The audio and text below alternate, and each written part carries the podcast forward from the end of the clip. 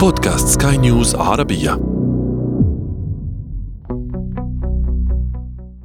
في أغسطس من عام 2019 تعرض رئيس تنفيذي لشركة طاقة مقرها في المملكة المتحدة لعملية نصب كلفته 220 ألف يورو.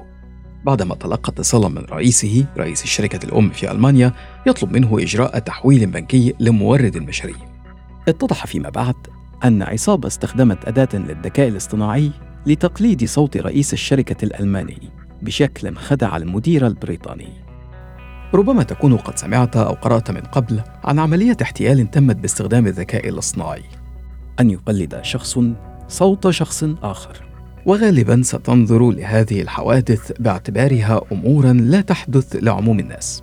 يمكن أن تستهدف رؤساء الدول، كبار رجال الأعمال، الرؤساء التنفيذيين، عمرو مصطفى يقلد صوت الست أم كلثوم.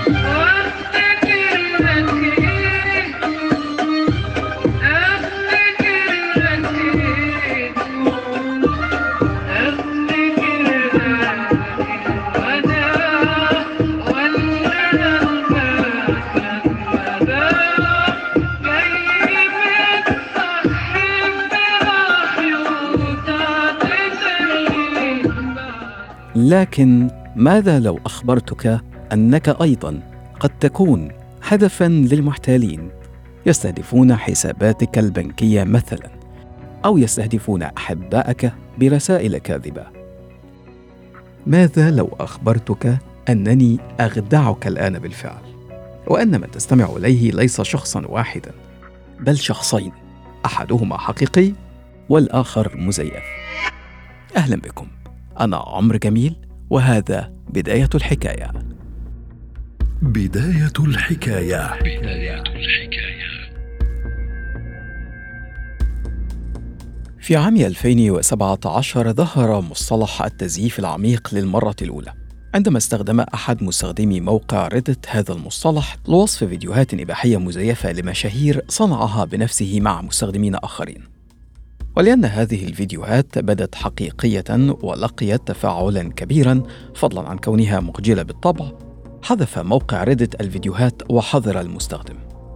لكن لا الحذف ولا الحظر أوقف التقنية الأخطر من وجهة نظري التزييف العميق.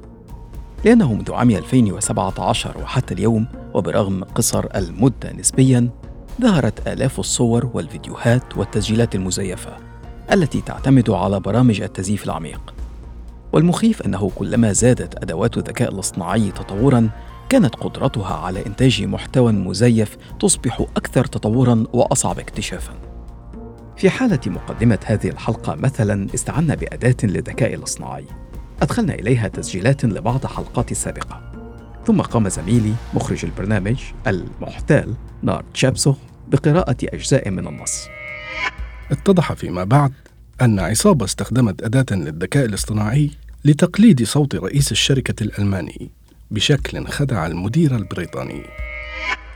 لكن بإدخال صوته إلى أداة الذكاء الاصطناعي ظهرت النتيجة التي استمعتم إليها في مقدمة الحلقة. يمكن أيضا تزييف الصورة وليس الصوت فقط. تتذكرون فيديوهات ظهرت لمشاهير سياسيين وفنانين وتبين فيما بعد أنها مزيفة. بل إن بعض هذه الفيديوهات أنتج أصلا للتحذير من خطورة التزييف العميق وكانت شديدة الواقعية والإقناع مثل فيديوهات توم كروز لو تتذكرون طيب ما الذي تقوم به أدوات الذكاء الاصطناعي بالضبط حتى تتمكن من إنتاج محتوى بهذا الشكل؟ تعتمد أدوات الذكاء الاصطناعي على خوارزميات معقدة في محاولة لإنتاج محتوى مزيف يقوم الذكاء الاصطناعي باستخدام خوارزميتين تعمل كل واحدة ضد الأخرى. يعني تقوم الشبكة الأولى وتسمى المولد بإنتاج صوت أو صورة مشابهة للصوت أو الصورة الأصلية ثم تنقلها إلى الشبكة الثانية التي تسمى المميز. وظيفة المميز أن يفحص الصورة المولدة ويقارنها بالصورة الأصلية ويتخذ قرارا بقبولها أو برفضها وإعادتها للمولد من جديد لتحسينها في بدايات الذكاء الاصطناعي لم تكن الخوارزميتان قادرتين لا على إنتاج مماثل لصورة حقيقية ولا فحص دقيق لصورة مولدة يتلافى أدنى اختلاف مع الصورة الحقيقية. لكن بتطور أدوات الذكاء الاصطناعي أصبحت الشبكتان قادرتين وبشكل مخيف على إنتاج محتوى مزيف يصعب اكتشافه لأن المولد أصبح قادرا على خداع المميز. أو بشكل أكثر دقة أصبح المولد قادرا على إنتاج صور مماثلة لصور حقيقية لا يجد المميز أخطاء فيها. والأكثر إثارة للقلق أن التقنية يمكنها التعلم ذاتيا. يعني كلما زاد حصولها على بيانات أكثر صور وفيديوهات ومقاطع صوت أصبح لديها القدرة على تحليل تلك البيانات وإنتاج محتوى يستحيل تقريبا معرفة إن كان حقيقيا أو مزيفا. تحديات مثل تحديات الفيسبوك اكتشف إلى أي دولة تنتمي من أنت من المشاهير كيف تبدو وأنت في سن الستين ما الحيوان المناسب لك وغيرها الكثير. كلها تستخدم صورك وفيديوهاتك لتغذية برامج الذكاء الاصطناعي وبموافقتك الكاملة. صحيح أنه ليس كل برامج الذكاء الاصطناعي شريرة والغرض منها إنتاج محتوى مزيف لكن القصد أنك تمنح بإرادتك الخالصة الذكاء الاصطناعي القدرة على تطوير نفسه بشكل مذهل. ناهيك طبعا عن تطور تقنيات التعرف على الوجه التي حدثتكم عنها في حلقة سابقة. هل تتخيل الآن كيف يمكن أن يخدعنا الذكاء الاصطناعي؟ أو بالأدق شخص يستخدم الذكاء الاصطناعي؟ تزييف صور محرجة لأشخاص للإساءة إلى سمعتهم. إنتاج فيديوهات مزيفة لسياسيين أو مشاهير يرتكبون أمورا لم يرتكبوها في الحقيقة. إنتاج محتوى صوتي للنصب أو الاحتيال. بعض من حضراتكم كلمة سره في حسابه البنكي هي صوته. هل تتخيل ما أنا قادر على فعله بصوتك؟ كل اللي فات حمادة وكل اللي جاي حمادة تاني خالص. حرفيا. كل اللي جاي حمادة تاني خالص. لأن ما ذكرته لكم سابقا كان يعتمد على تقديم بيانات صوتية ومرئية لأداة الذكاء الاصطناعي. وباستخدام المولد والمميز كما ذكرنا يتم إنتاج محتوى مزيف. لكن ماذا عن إنتاج محتوى مزيف من اللاشيء؟ في حلقة اليوم استخدم صديقي المخرج المزيف نار تشابسوغ أداة ذكاء اصطناعي لتحليل صوتي من حلقات سابقة. ثم أعاد قراءة النص الذي قدمته له. تم إدخال صوت نارت الذي هو عبارة عن بيانات صوتية لأداة الذكاء الاصطناعي وبتحليل صوتي وصوته حصلنا في النهاية على نص يقرأه هو ولكن بصوتي وطريقتي. وفي مقاطع الفيديو المزيفة يحدث نفس الشيء. يتم تغذية الذكاء الاصطناعي بمقاطع صوتية ومرئية للمشاهير. ثم يقوم ممثل بتقليد حركاتهم. فينتج الذكاء الاصطناعي فيديوهات مزيفة للمشاهير قام بها غيرهم. لكن الآن أصبح الذكاء الاصطناعي قادرا على إنتاج محتوى مزيف من تلقاء نفسه. أصبح الذكاء الاصطناعي قادرا على توليد صور لأشخاص غير حقيقيين أشخاص لا وجود لهم ولم يكن لهم وجود في الأصل. يمكنك أن تختبر ذلك بنفسك أو تلعب لعبة التعرف على الحقيقي والمزيف من خلال مواقع مفتوحة على الإنترنت.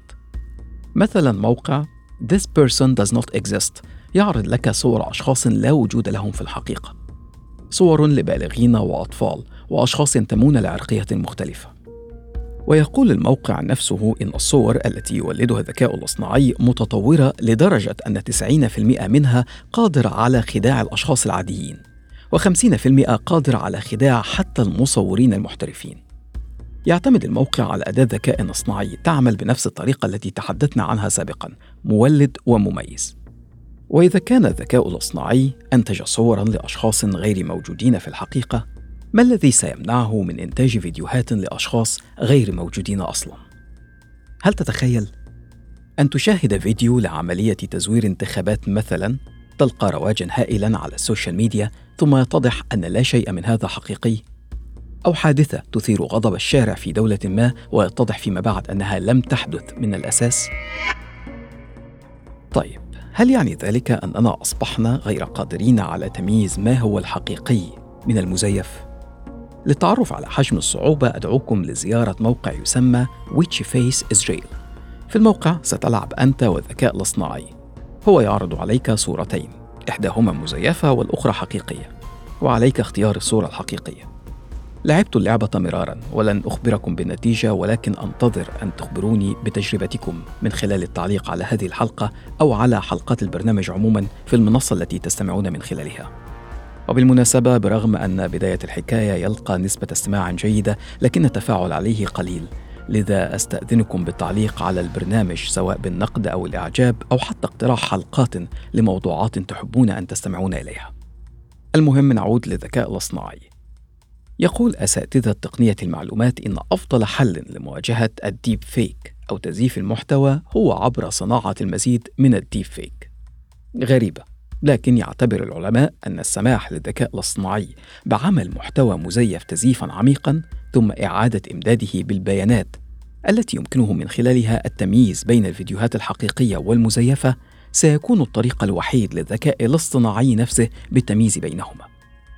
طبعا لو أنك لم تسرح مني خلال الحلقة ستقول لي طيب ما هو المولد سيكون في لحظة ما قادرا على خداع المميز.